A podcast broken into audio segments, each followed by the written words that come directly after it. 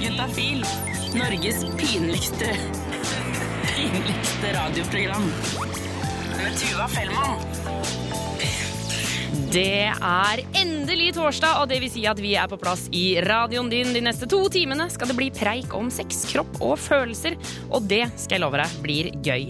Men før det, før alt det gøye, så skal vi snakke om noe som er litt mer alvorlig. For se for deg at du tenker eh, mye på sex. Så mye på sex at det går utover ditt vanlige liv.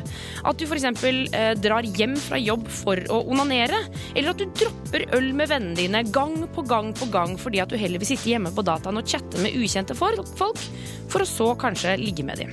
Straks her på P3 så skal du få treffe Glenn. Glenn har i mange år definert seg selv som sexavhengig. Hva vil egentlig det si?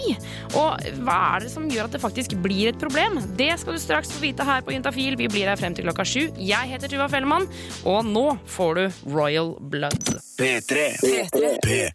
Fem på P3, og Juntafil er programmet som går. Eh, sex det skal jo være en fin og deilig og morsom ting. Det skal være noe du gleder deg til. Og jeg ser det som at det skal være en, en hyggelig aktivitet i livet ditt. Men det er klart at det kan bli for mye av det gode. Og da kan det også være at det tipper over til å bli noe negativt. Jeg husker første gang eh, jeg ble kjent med at det fantes eh, noe som hadde med sex å gjøre, så, så husker jeg at jeg satt eh, hjemme når jeg var 15. Jeg titta på Dagblad. Der hadde de noen sånne sider som var til sånne sextelefoner, og der det var bilder av både menn og damer, og der de kunne ringe inn, da. Og det husker jeg trigga meg veldig, for det hadde jeg veldig lyst til. da. For det var noe med det som gjorde at jeg hadde behov for å eh, vite eller gjøre noe rundt det, da. Fyren du hører snakke her, han kaller vi for Glenn. Og Glenn han definerer seg selv som sexavhengig. Eh, Og nå tenker du kanskje sexavhengig, ja, hvor ille kan det være? Er ikke det bare å ha sex litt ekstra ofte, og så går det bra? Men i Glenn sitt tilfelle så stemmer ikke det helt. De siste 20 årene har vært ganske vanskelig for han. Hvorfor det har vært vanskelig, det skal du få vite litt senere. Men først må jeg bare si at jeg har personlig aldri truffet noen som sier at de er sexavhengige. Jeg har egentlig aldri hørt om noen i min omgangskrets, eller aldri hørt noen rykter om noen som sier at de er sexavhengige. Så jeg måtte jo spørre hvordan, hvordan blir man det? For meg så begynte det sånn i det små. Ehm, Men så begynner jo ting å bli litt sånn Ikke kjedelig, men man vil hele tida edde på, da, eller eh, utvide horisonten, eller man kjenner at det er ikke nok å bare sitte og prate i telefonen i et par minutter. Plutselig så har tiden gått til en time og to timer, og så blir internett eh, en del av hverdagen, og så blir eh, porno en del av hverdagen, og så eddes det på, da. Og jeg skjønte jo at noe var galt hele tida. Jeg visste at eh, når jeg eh, valgte bort venner, eller valgte bort studietid, eller valgte bort jobb, for å så sitte inne alene eh, i flere timer, så skjønte jo jeg også at det er galt, men jeg klarte ikke å la være likevel. Det virker som at eh, livet til Glenn det blir snudd litt på hodet. Eh, Nesten alt i hverdagen handler på en eller annen måte om avhengigheten hans. Eh, Og det går utover jobb, og det går utover sosiale liv. Men det er fortsatt noen behov og ønsker som alle vi andre også har, som kommer frem hos Glenn. Man ønsker jo seg å ha kjæreste, og det ønsket jeg også. Men min sexavhengighet ville jo ikke det. Og ville på en måte være på nettet og den biten. Ehm, og når man da er i et forhold og likevel må være på nettet og chatte med folk, så vil det jo si at for å holde en chat gående, så ender det jo opp med sex før eller siden. Eh, og jeg var jo sånn skrudd sammen at jeg hadde jo ikke verdens største selvtillit. Sånn at for meg å ha sex, det, det, ble, det var liksom en femminuttsgreie, det. Eh, men for meg så var det bare for å gjøre det for å ha dialogen videre på chat med den personen videre i ettertid. Eh, For sex eh, ga meg veldig lite. Og jeg tror det er veldig mange som tror at når man er sexavhengig, så har man sex med tusenvis av mennesker, og det tror jeg er veldig individuelt, da. Så, men når jeg da først hadde sex, så var jo det noe av det kjipeste som var når sexen var ferdig. Eh, du føler deg bare så utrolig råtten og skamfull. Du føler deg så feil og så stygg. Og når du da ser kjæresten din, så For å liksom skjule det, så, så, blir, så ble i hvert fall jeg bare litt sånn overlegen og kald og egentlig ikke så en fin person i det hele tatt. Så jeg, jeg tror ingen, ingen fortjente meg da, for å si det sånn. Ja, for eh, hvor mange ganger var du utro? Jeg vet ikke. Det er svaret. Um, jeg vet faktisk ikke. Fordi at du er på en måte enkelte perioder så er du på en måte i en sånn rus at dagen etterpå så var jeg faktisk, kunne jeg være usikker på om jeg hadde hatt sex med én eller to eller tre. Fordi at jeg er i en, i en slags rus. Og det er veldig rart. Eh, og i sånne hektiske, skikkelige sånne perioder, så er det nesten som du føler deg ekstremt bakfull dagen etterpå. Selv om jeg ikke rørt alkohol i det hele tatt. Og vi skal høre mer fra Glenn her på P3. For jeg, selv med, med alle disse tankene og ordene her, så tenker jeg litt sånn Kan du ikke bare slutte? Og det eh, opplever Glenn at det er det mange som tenker, og at han får mye spørsmål om det. Og du skal få høre hans tanker om nettopp det her på P3 straks. Juntafil med Tuva Fellmann. Og vi er midt inne i livet til Glenn. Han definerer seg nemlig som sexavhengig, og vi hørte tidligere at det startet i det små, med litt sånn nettsurfing og chat, men at det etter hvert ble så mye og i så store mengder at det gikk utover hans vanlige liv, og eskalerte til sex og utroskap. Og noe av det jeg lurte på, det var om problemet lå liksom, i det at han hele tiden var kåt. Det er nå jeg forstår hva det er å være kåt. Jeg eh, var ikke kåt i det hele tatt, jeg, eh, når jeg var sexavhengig. Sånn at um, Fordi jeg fikk aldri muligheten til å kjenne på den kåthetsfølelsen fordi at jeg lot meg ikke gjøre det. Jeg var bare Hva skal jeg si? Man gjør jo dette her ikke for kåtskap, man gjør det fordi at følelsen følelsene som man ikke vil kjenne på, vil man ha bort. Og da velger man eh, en måte å gjøre det på. Og for meg så var det å se porno og ta en runk eller uh, være utro eller uh, skape illusjoner i hodet, fantasier, titte på eller bli sett på. Altså det er jo mye triggers som jeg holdt på med. Og jeg husker flere ganger at jeg Ja, jeg var faktisk ikke stiv, da. Men jeg måtte runke likevel, fordi at jeg kjente at jeg bare, det, det, jeg bare måtte det, fordi at følelsesmessig så, eh, så ville jeg ikke kjenne på, på, de følelsene, de ekte følelsene. Så jeg prøvde å bli kåt hele tida og ha fokuset på, på min eh, avhengighet. Så som du hører, så var det ikke kåtheten som var det store problemet. Det var heller det at Glenn rett og slett ikke greide å la være. Men når jeg hører sånne ting, så tenker jeg av og til at herregud, kan du ikke bare slutte? Kan du ikke bare slutte med de greiene? Eh, for for meg som ikke er avhengig, så er det ikke så lett å forstå hva det egentlig vil si. Og det har også Glenn lagt merke til. Eh, spesielt dette med sexavhengighet, det skjønner får jeg veldig mye tilbakemelding på at det, det forstår de ikke. Eh, man kan forstå alkohol, man kan forstå narkotika, men sex er på en måte Ja, men er det ikke bare å ha sex og ferdig med det, eller bare ikke gjøre så mye ut av det. Ehm, men det er på en måte ehm, Når du først har på en måte fått den eh, triggeren i deg, da, så er det noe med at du, du klarer bare ikke å stoppe. Altså. Det er som eh, narkotika. Det, det er utrolig vanskelig for meg å forklare også, egentlig. Det har tatt Glenn 20 år å få kontroll på avhengigheten sin. Han har gått i gruppeterapi og jobber mye med å holde kontroll på sitt eget liv. Og det han beskriver som den store utfordringen, det er å tørre å være intim på en helt annen måte enn han har vært tidligere. At sex ikke er lenger er en lettvint løsning på å opprettholde avhengigheten sin. Han må tørre å være ærlig og tørre å satse på den personen han har lyst til å være sammen med. Um, og jeg måtte jo også spørre om han var redd for å ja, få et slags sånn tilbakefall. Veldig. Livredd. Men jeg ser jo at jo mer jeg har avstått, eh, så ser jeg jo at jeg får et mye friere liv. Jeg får et mye mer innholdsrikt liv. Eh, jeg får bedre fantasi, jeg får bedre kreativitet. Eh, og det har jeg ikke lyst til å miste. Så jo lengre tiden går, jo hva skal jeg si, jo mer sier det seg selv at jeg ikke vil tilbake, for jeg har så mye å miste, da. Eh, Og vi må si tusen takk til Glenn som valgte å stille opp på dette intervjuet.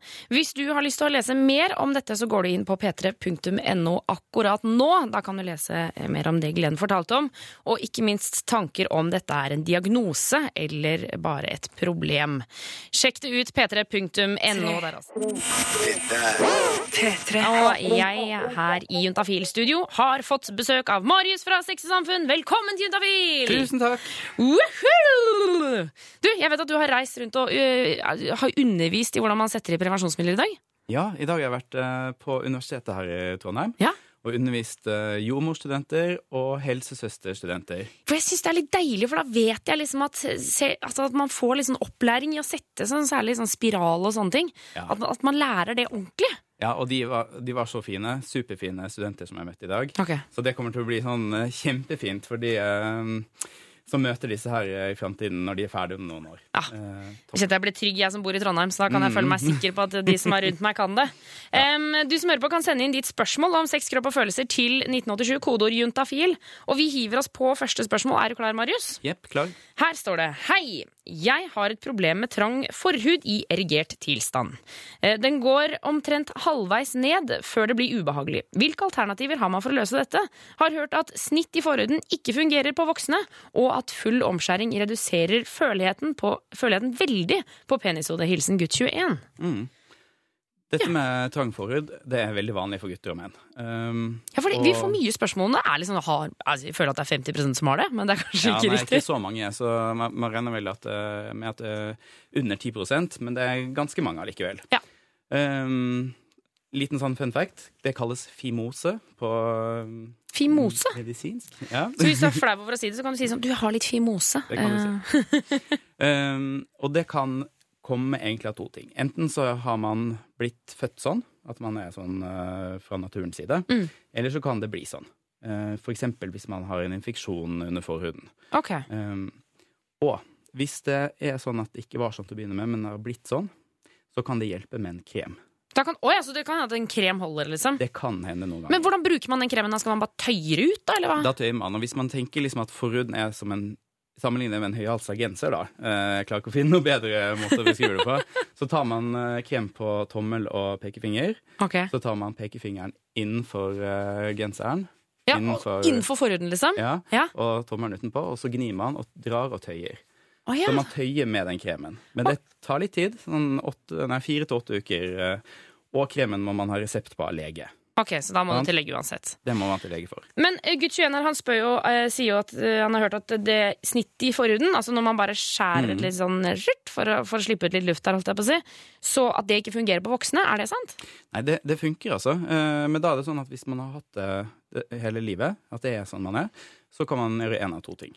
Enten så kan man gjøre en omskjæring, og da går man nede på, helt på kanten av det. Av den høyhalsa nederst genseren? på høyhalsa genseren, ja. Og så skjærer man bort forhuden hele veien rundt. Man får selvfølgelig bedøvelse. Ja.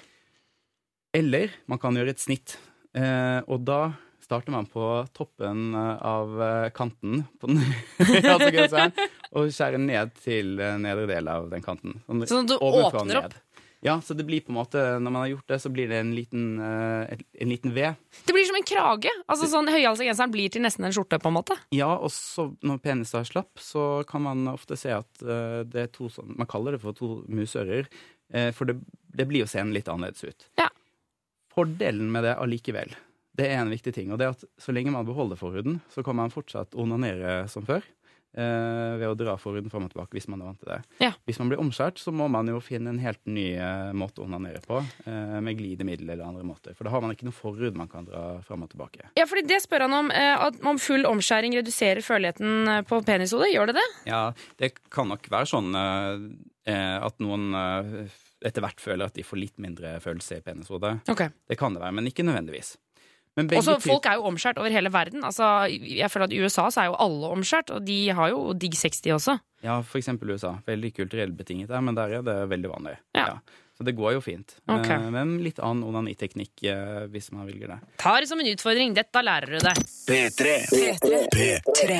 Du hører på Juntafil på P3. Jeg har fortsatt besøk av Marius fra Sex og Samfunn.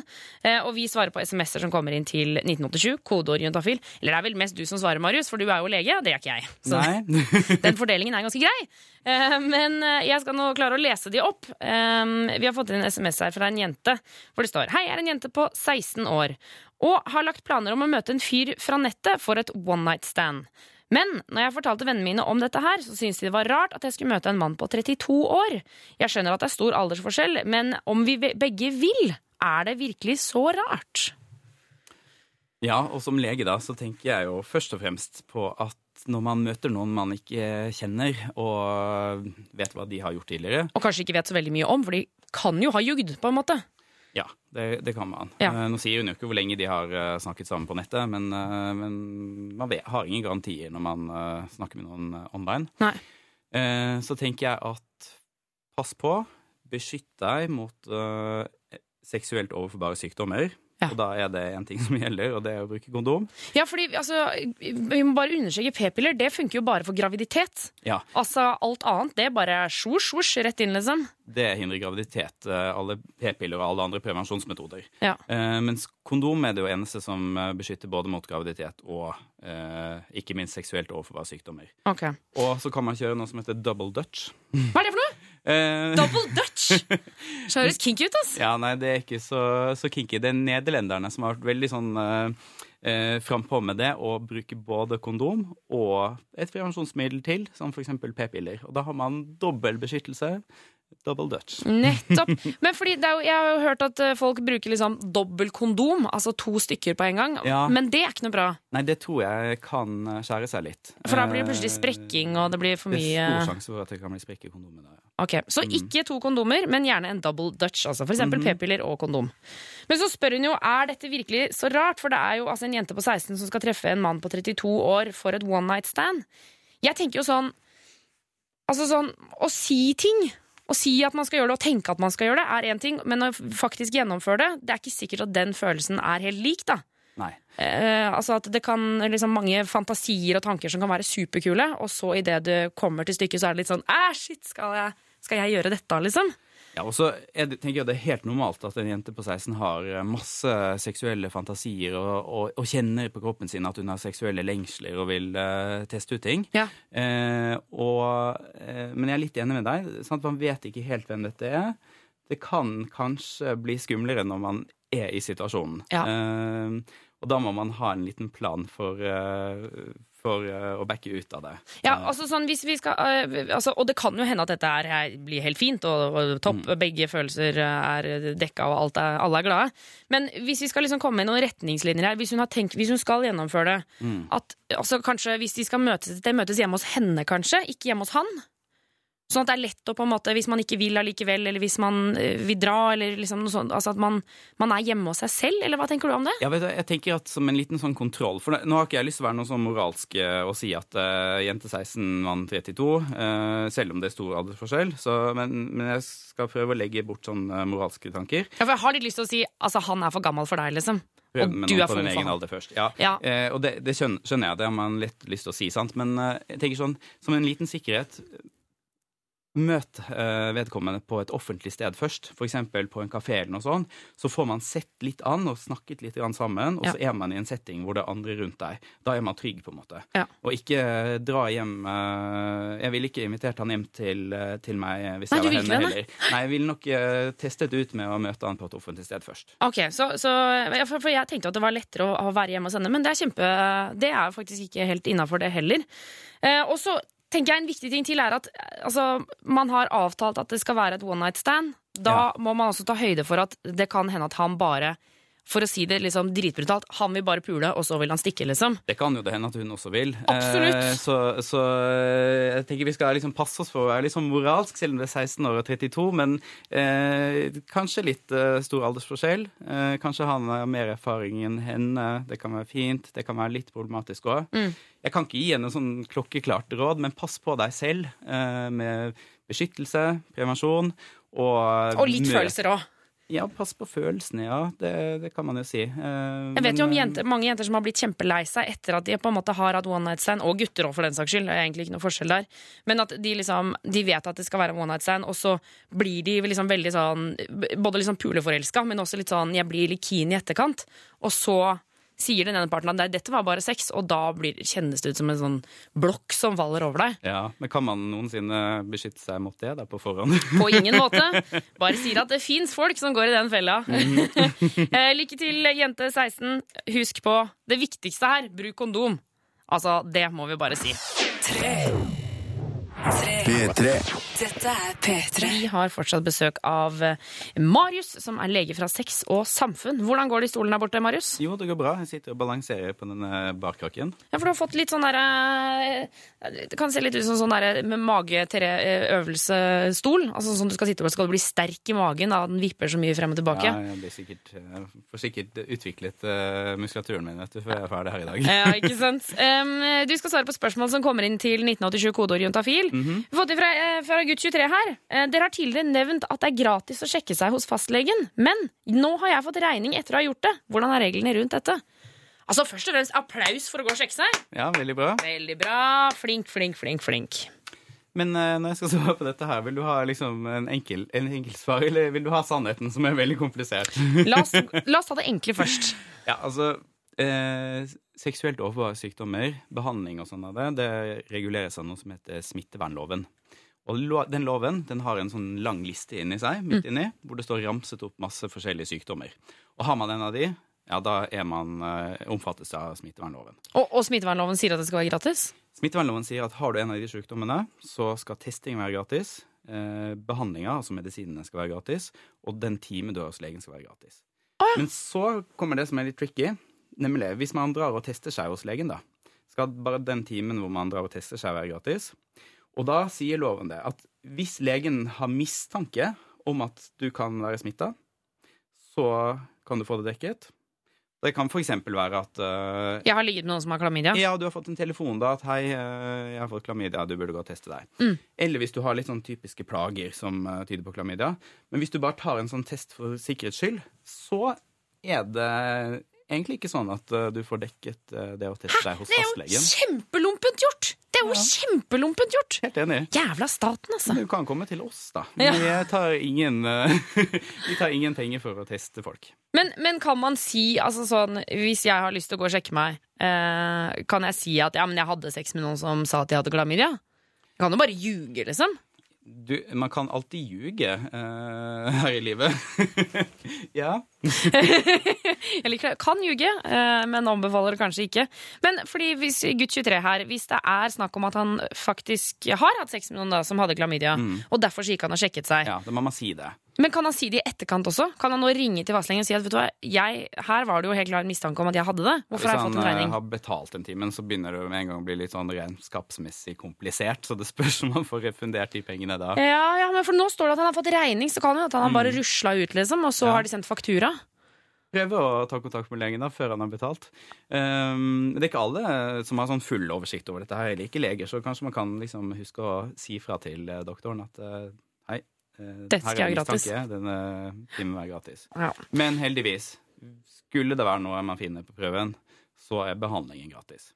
Ja, jeg skulle nå gjerne jeg skulle, er nesten så jeg har lyst til å chippe inn penga sjæl til gutt 23, bare for at jeg blir sånn Yes, så bra at vi gikk og sjekka deg. Veldig bra. Um, nummer inn er 1987, kodeordet er juntafil hvis du har lyst til å stille spørsmål. Her får du Florence and the Machine. Juntafil med Tuva Fellmann. Norges pinligste radioprogram. P3. Du hører på Juntafil på P3, og akkurat nå så håper jeg at vi kan eh, prøve å varme opp ditt iskalde hjerte.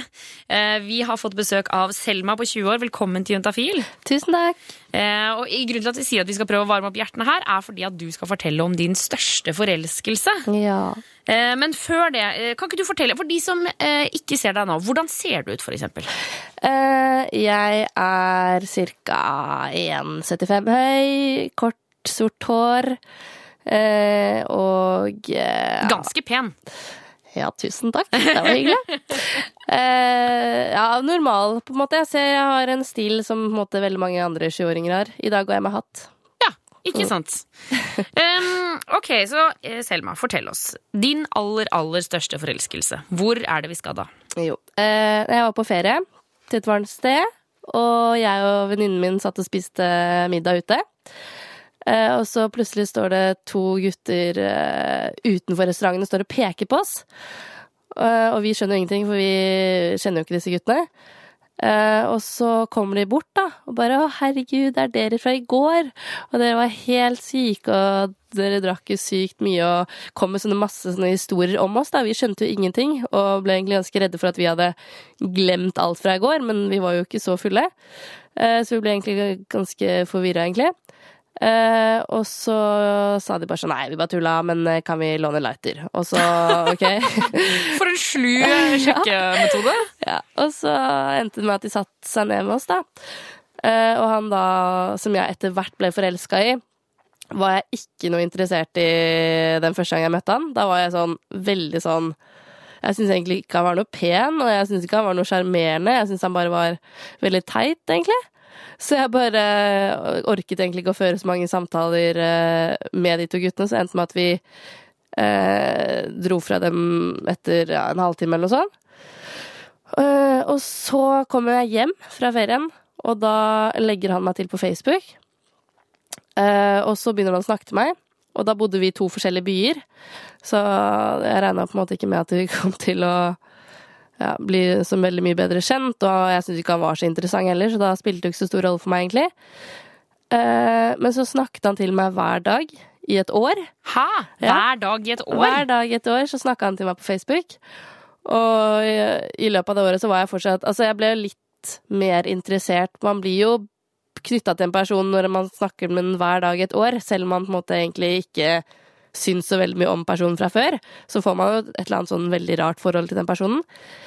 Eh, Så snakket han til meg hver dag i et år, og jeg var egentlig ikke sånn veldig Jeg starta aldri noen samtaler, eller jeg var egentlig ikke noe interessert. Jeg kunne gå liksom to uker før jeg gadd å svare ham på en melding, liksom. Eh, Men så flyttet jeg til den byen han bodde i, da. Eh, Og så endte det med at vi møttes en dag, og så møttes vi litt flere ganger.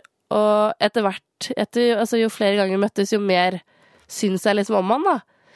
Og det var så rart, fordi at jeg liksom fra første stund egentlig bare syntes han var litt sånn ekkel og litt sånn Irriterende fyr Ja, i liksom. Ja, irriterende liksom. fyr.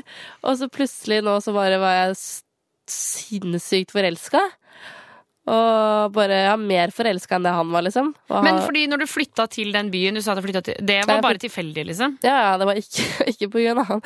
Nei, jeg flytta til Oslo, og da skulle jeg gå siste året der på videregående, så da endte med at vi begynte å være litt mer sammen, da. Og da bare klasja det veldig, rett og slett. Hvordan syns du det kjennes ut å være forelska i noen? da? Åh, det, så, det kommer veldig an på øh, personen du er forelska i, om han er forelska i deg eller ikke. Men eh, for meg så var det sinnssykt deilig, for jeg har aldri følt en sånn lykkefølelse som jeg følte med han når ting gikk bra, da. Og når jeg fikk den bekreftelsen jeg følte at jeg trengte og sånne ting, så var det jo bare sånn Jeg var så glad, uansett hva annet som skjedde i løpet av dagen, så var det bare sånn Ja, men fikk jeg en melding av han, så bare Alt var bare Man svever jo på en sånn liten sky og bare er sinnssykt glad. Og kiler i hele kroppen bare man får en melding. Så det er jo en av de Altså, jeg har aldri hatt en bedre følelse inni meg enn da jeg var forelska for første gang. Er du forelska i noen akkurat nå? Nei, jeg er ikke det. Jeg er så alene på Holdt jeg på å. Sammen lille pus. Nei, men det, jeg syns det er bra. Nå skal jeg være alene. Ja, for det ble ikke deg og han. Nei, det ble ikke meg og han. Nei, Det er like greit. Man trenger ikke alltid å ta den første og beste, ikke sant? Eller den første og verste. Godt poeng. Eh, Selma, tusen takk for at du kom innom Juntafil i dag. Takk for at jeg vil komme. Juntafil Med Tuva Fellmann. P3. Og det er Juntafil som er programmet som ruller og går på P3 akkurat nå. Eh, og tidligere så hørte vi jo fra eh, Selma om hennes store forelskelse.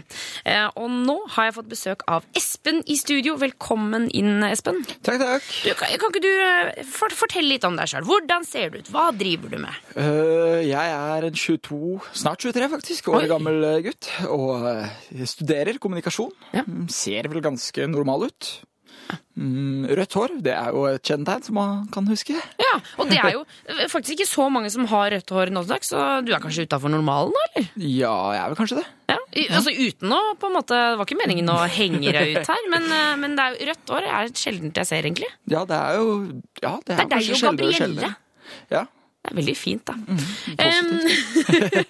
eh, Espen, vi du har du noe tall på hvor mange ganger du har vært forelska? Sånn forelska, forelska, liksom? Uh, skal vi se, det skal jeg klare å finne fort. Uh, fire, fire. Fire ganger. Fire ganger. Ok, Kan ikke du fortelle meg eh, om altså Jeg har lyst til å høre din, kanskje din siste forelskelse? Ja, min siste. Da mm, holdt jeg jo egentlig på litt frem og tilbake med en jente jeg hadde møtt. Um, og det var jo selvfølgelig egentlig ikke en forelskelse med henne. Men så hadde jeg vært på en fest utenfor noen studentboliger, så jeg satt, og, jeg satt egentlig og koste med en uh, flaske med alkohol. Ok, Satt og koste med en flaske alkohol? Ja, og, og en katt. Og En katt og en, av typen øl, liksom? Er det satt og drakk øl? Nei, vi, vi satt og drakk vodka, egentlig. Du og katta. Jeg og Puss satt og drakk vodka og mm, røyket sigaretter utenfor uh, en studentbolig. Altså, dette høres ut som en amerikansk Altså, Det høres ut som et utdrag fra Eminem hvis det bare hadde vært noe sånn Patron i stedet for vodka. Ja, og så eh, er det jo ikke, ikke helt getto, da. Det er jo veldig pent der. Ok Det var kanskje jeg som var litt mindre pen. Ikke noe Eight Mile, men eh, heller i hyggeligere omstendigheter. Ja, veldig hyggelige omstendigheter. Og mm, ut fra studentboligene så kommer det en eh, liten, blond rumensk jente. Som eh, er fantastisk nydelig. Hva er det som er så nydelig med henne? Eh, først så er det utseendet, og så begynner vi å prate. Og så merker jeg rimelig kjapt at hun utsmarter meg. Veldig. Og da falt jeg bare pladask for henne. Men ø, ø, kom hun ut fra altså, den festen jeg regner med at du var på? Eller kom hun Eh. fra et helt annet sted? Nei, hun kom fra et helt annet sted. Hun kom bare tassende bortover? Ja, for dette her er store blokker. Ok. Og så kom hun da ut for å røyke. Og mm, det, hun var bare helt nydelig, så jeg tok jo kontakt med en gang. Og begynte å prate der. Hva, hva, du sier at hun utsmarta deg. Hva var det dere prata om? Mm, vi pratet, det var vel engelsk språk Ja, for var Snakker hun norsk? Nei, hun snakker ikke norsk. Nei. Og hun studerer litteratur. Og på engelsk språk og grammatikk og sånne ting, så rettet hun og ryddet opp en del ting. Og jeg er ganske vant til å snakke engelsk. Så det var, eh, det var ekstremt sexy. Smarthet er altså det er det som blir sexy. Ja, det blir det for meg. Men hva, hvor, hvor går veien videre her, altså? Vodkaflaska, pus og den rumenske jenta? Uh, I denne omgangen her så bare pratet vi uh, for det meste litt frem og tilbake. Og så ah, kom vi inn på et konsept vi kalte Norwegian dating. Som er um, det at man kanskje tar med seg en person hjem, og så evaluerer man dagen etter. Hvordan det har gått. Og eh, det var vel uken etter så gjorde vi dette her på studentdag. Ok, men eh, altså, Dere dro hjem, altså Hadde dere sex, da? eller? Ja, vi gjorde det Ja, Så evaluerte dere dagen etter? Ja, nei, ikke evaluerte, men det endte på å bli veldig bra. Og veien til sex var jo også egentlig ganske fin. Hun hadde fått håndjern. Hun, ok, hør her, hør her nå, Espen. Nå, eh, håndjern. Dette skal vi prate mer om. Stopp en halv, vi skal spille av et lite musikkstykke. Beklager for deg som var midt inne i historien nå. Det går fint, vet du.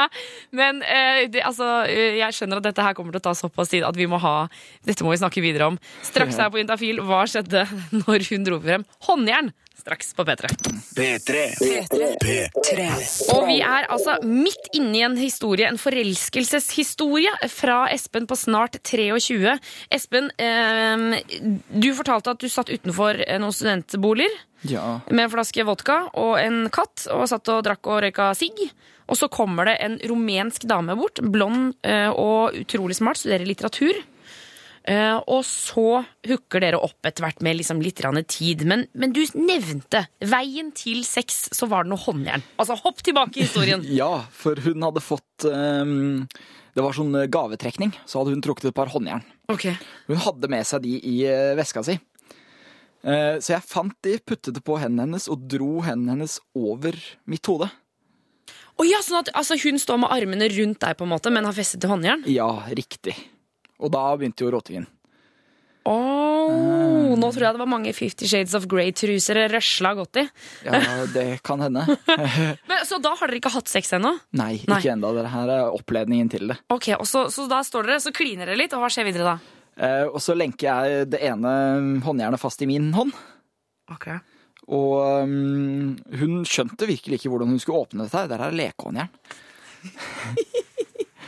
Eh, og så spurte jeg om vi skulle rett og slett gå til meg, da. For det var, er en 100 meter fra dette utstedet.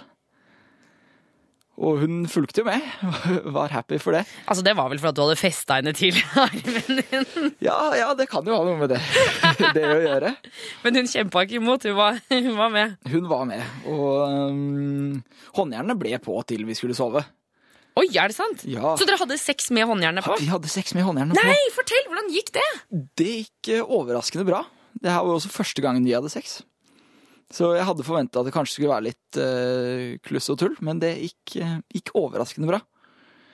Men var det da liksom en turn on at dere hadde hånd... Altså, ble det liksom en, en del av sexen, eller var det bare sånn de bare er der, på en måte? Uh, det var litt frem og tilbake. Noen ganger så var de der bare, og noen ganger så ble det en del av sexen. Ok. Jeg skjønner. De håndjernene har jo da også blitt et litt sånn symbol mellom oss to nå, da. Det er jo på en måte et veldig fint symbol når du forteller det på den måten, men når man ser det bare utenfra, så er det sånn et håndjern som er symbolen på deres kjærlighet. Er Eh, Ja, det er kanskje litt um, mm, vir- Virker litt grovt, men uh. Men så hyggelig, da. Men, men bor hun i Norge? Uh, Hun har flyttet tilbake til Romania nå. Nei, er det sant? Det er sant. Så det er over? Nei, det er det ikke. Fortell! Vi flyr frem og tilbake i tide og utide. Har du avstandsforhold? Altså Norge-Romania? Norge-Romania. Helt riktig. Herregud. Så um, det er litt flyving frem og tilbake. Litt grann. Ja, Hvor lang tid tar det å fly til Romania? Um, hun eh, bor jo selvfølgelig ikke i hovedstaden Bucuresti, så det tar med mellomlanding en ca. fire-fem timer. Ok, det kunne jo vært verre, men allikevel. Fire-fem timer er langt, liksom. Ja, det er et stykke. Men eh, er, det liksom, er det noen tanker her eh, om å flytte sammen Altså at du skal flytte til Romania, eller hun flytter til Norge? Um, jeg tror jeg til Romania er jo ganske uaktuelt. Ja. Um, men hun er jo veldig på at hun ikke vil bo der resten av livet.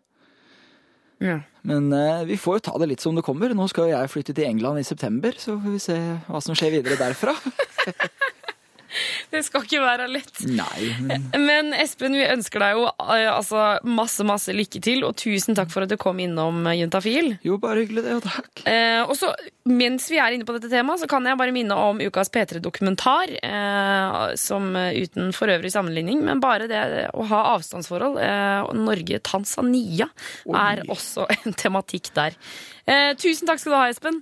Jo, bare hyggelig. Det er alltid gøy å være med. P3. Og det er jo rask utskiftning på gjester her i dette programmet, for nå er Marius fra Sexy Samfunn tilbake i studio. Velkommen inn igjen. Uh, ja, her er jeg. Med Ja. kofferten min. Ja, for du har med deg en hel koffert med prevensjonsmidler i dag. Ja, jeg har det. Jeg har jo vært på undervisning eh, på universitetet her i Trondheim i dag, og Ja. hatt undervisning for jordmor- og helsesøsterstudentene. Og da hadde jeg med meg massevis av forskjellige prevensjonsmidler. Ja, fordi det som rister her, er jo Ja. p-pillene. De lager så Det er jo pillelyd, holdt jeg Ja, på å det si. klirrer litt inn i disse brettene Ja. Og så nå holder jeg nesten på å miste det ned her. Jeg har så mye henne. Og Ja. så har jeg noen sånne små plastsaker og noen runde greier i plast. Og ja, Ja, for Grunnen til at du ikke sier hva du har der, det er fordi at det ligger et bilde ute på Facebook-sida til Juntafil. Eh, og der er det bilde av disse prevensjonsmidlene. ja. Eh, og dealen her da er at du eh, skal gå inn, og så skal du skrive hvilke prevensjonsmidler vi ser på bildet. Altså, hva er det vi ser her? Eh, og hvis du har alle rett, så er du selvfølgelig med i trekninga av eh, Juntafil-kondomer og en P3T-skjorte.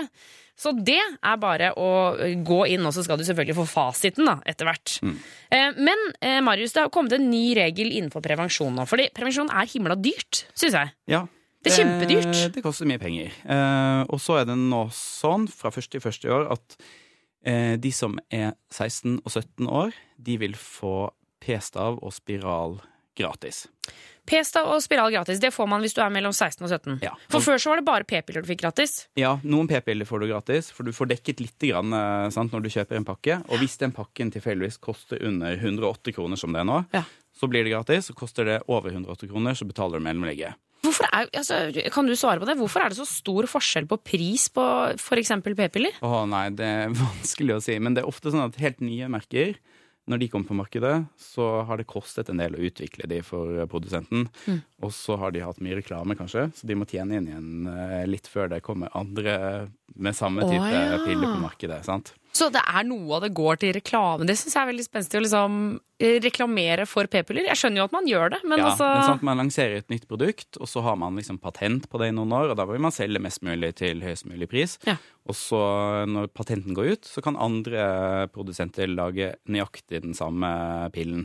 Å, er det sant? De kan bare ta over oppskriften, på en måte? Ja, da er det fritt fram når det har gått noen år.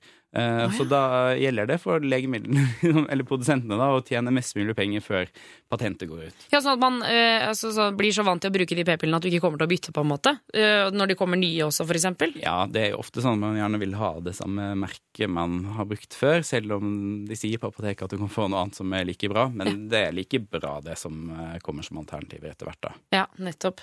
Eh, stikk altså inn på Facebook-siden til Juntafil og skriv hvilke prevensjonsmidler du ser her. Eh, så skal du få med eh, Juntafil-kondomer og P3T-skjorte. Eh, men bare for å oppsummere her, altså, det er, hvis du er mellom 16 og 17, så er det gratis prevensjon, da også spiral og liksom sånne ting, opp til 180 kroner i måneden. Ja, og spiral og p-stav det varer i såpass mange år, så da blir det gratis for 16- og 17-åringene. Ja. 18- og 19-åringene de får også litt refusjon. P-piller kan være gratis eller koste noe. Mens spiral og p-stav, da må de betale en eh, viss egenandel. Ja, for hvor mye for meg som er 27 år, da? Jeg får jo obviously ikke noe rabatt her. Nei, du er over 20, så da blir det ikke noe rabatt eh, for deg. sant? Men hvor mye koster for eksempel spiral? Spiralen koster eh, alt fra 350, det er kobberspiral, eh, opp til en tusenlapp kanskje, ja. spørsmål om kjøperen. Og hormonspiralen koster ca. 1100. Men disse, eh, sant, hormonspiralen varer i fem år, det samme gjør kobberspiralen. Så hvis man deler det på fem år, og på all, eh, det blir jo fem ganger tolv måneder, det blir mange måneder, Ikke så sant. blir det mye billigere enn eh, p-piller. Det blir Og to caffè latte i. Mye sikrere, men det Ja. blir to caffè latte i måneden, liksom. Mm. Facebook.com skråstrek juntafil. Uh, dette er også en gyllen mulighet til å se hvordan de forskjellige tingene ser ut. Fordi, for eksempel, jeg har aldri sett det før. Så sjekk det ut, og skriv også hva du ser der, så skal du få eh, fasiten om ikke så altfor lenge. Men først, her er Gravity. P3. Dette er P3. Eh, og spørsmålene tikker inn til 1987, kodeord juntafil. Eh, Marius fra Sex og Samfunn er her for å svare. Vi setter eh, i gang med en eneste gang. Her er det fra jente 17, hvor det står Hei! Kjæresten min sliter med at han kommer for fort. Når han driver selv, kan han drive lenge. Men hvis jeg gjør det, går det altfor fort. Eh, det er kjedelig, for begge ønsker et litt bedre sexliv. Har dere noen tips eh, annet enn at han kan runke før vi møtes? For det funker ikke for han. Hilsen jente 17. Mm. Eh, Jeg tenker at det er litt logisk, egentlig. At hvis han eh, onanerer eller runker eh, selv, så kjenner han jo sine egne grenser og kan liksom stoppe litt opp når han kjenner at det begynner å nærme seg. Ja, pluss at det er ikke så di altså, jeg tenker sånn, Det er jo mye deiligere at en jente gjør det. Altså, det er mye mer staselig. Liksom. Det er mye gøyere. Hun er jo digg, og han syns at hun er digg. Ja, Og... kan godt hende at det er mer opphissende for han. Absolutt. Ja. ja. Um, har noen tips til, til de. Ja. Uh, for eksempel uh, kondom. Noen uh, syns at uh, følsomheten uh, blir litt mindre med kondom. Ja. Så det kan man forsøke. Og så fins det jo noen sånne kondomer med sånn derre bero, altså Ikke beroligende middel, men litt sånn Bedøvende. Bedøvende, ja. Ikke Ja. beroligende. Det er jo samme. glidemiddel på, på kondomer, men eh, det fins noen hvor glidemiddelet er tilsatt litt sånn bedøvelse. Og ja, Nå skal ikke jeg reklamere for noe merke, men jeg kan ett merke, og det heter Durex Performa. Eh, det får man kjøpt på apoteket, f.eks. Ja. Eh, nedsetter følsomheten litt. Grann. Eh, det er ikke sånn at man mister all følsomhet, så man har fortsatt god glede av sex. Ja, ikke sant? Det er, ja, det er ikke sant? Da blir det bare som et sånt ømt område som ikke kjenner noen ting. Men ok, Så, så kondom, og eventuelt kondom med sånn bedøvende, middel. Andre tips?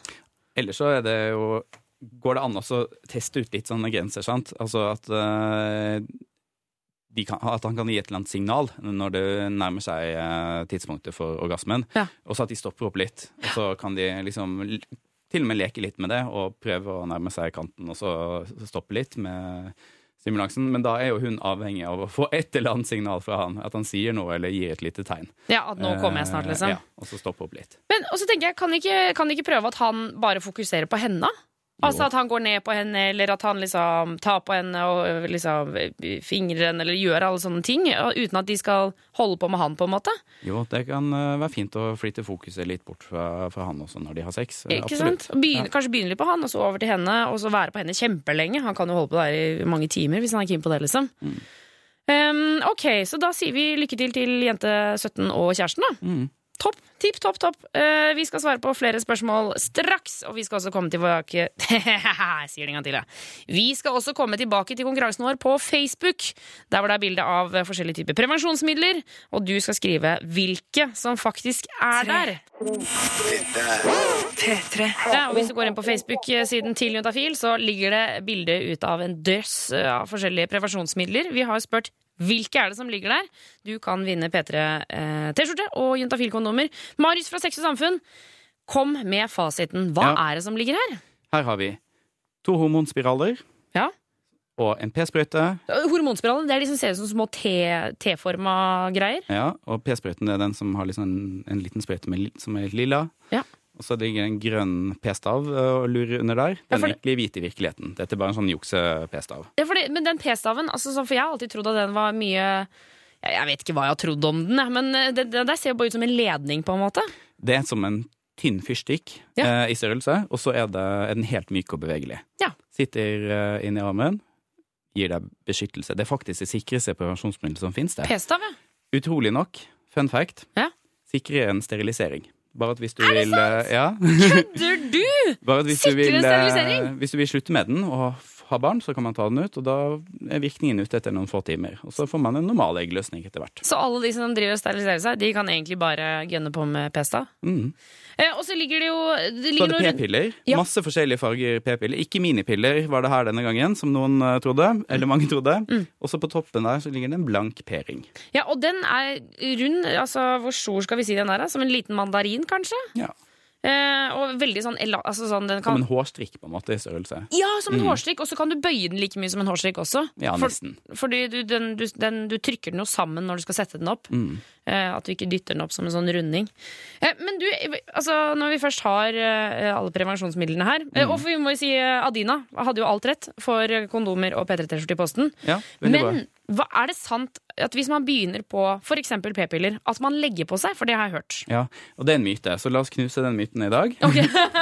Få den vekk. Eh, hvis man ser på eh, en stor gruppe kvinner som bruker p-piller, Ja. så ser man at de legger på seg ca. 1 kilo det første året, og deretter ca. 450 gram hvert år i fortsettelsen. Ok. Hvis man ser på kvinner som ikke bruker prevensjon, så legger de også på seg 450 gram hvert år. Ok. Så det at man legger på seg vekt, det har noe med alder å gjøre, og ikke p-piller. Så den uh, myten kan vi legge død en gang for alle. Ok, Man legger ikke på seg, så det er ingen unnskyldning å si sånn Nei, jeg bidrar ikke å begynne på p-piller, for da blir jeg så tjukk, så bare glem det. Begynn på p-piller.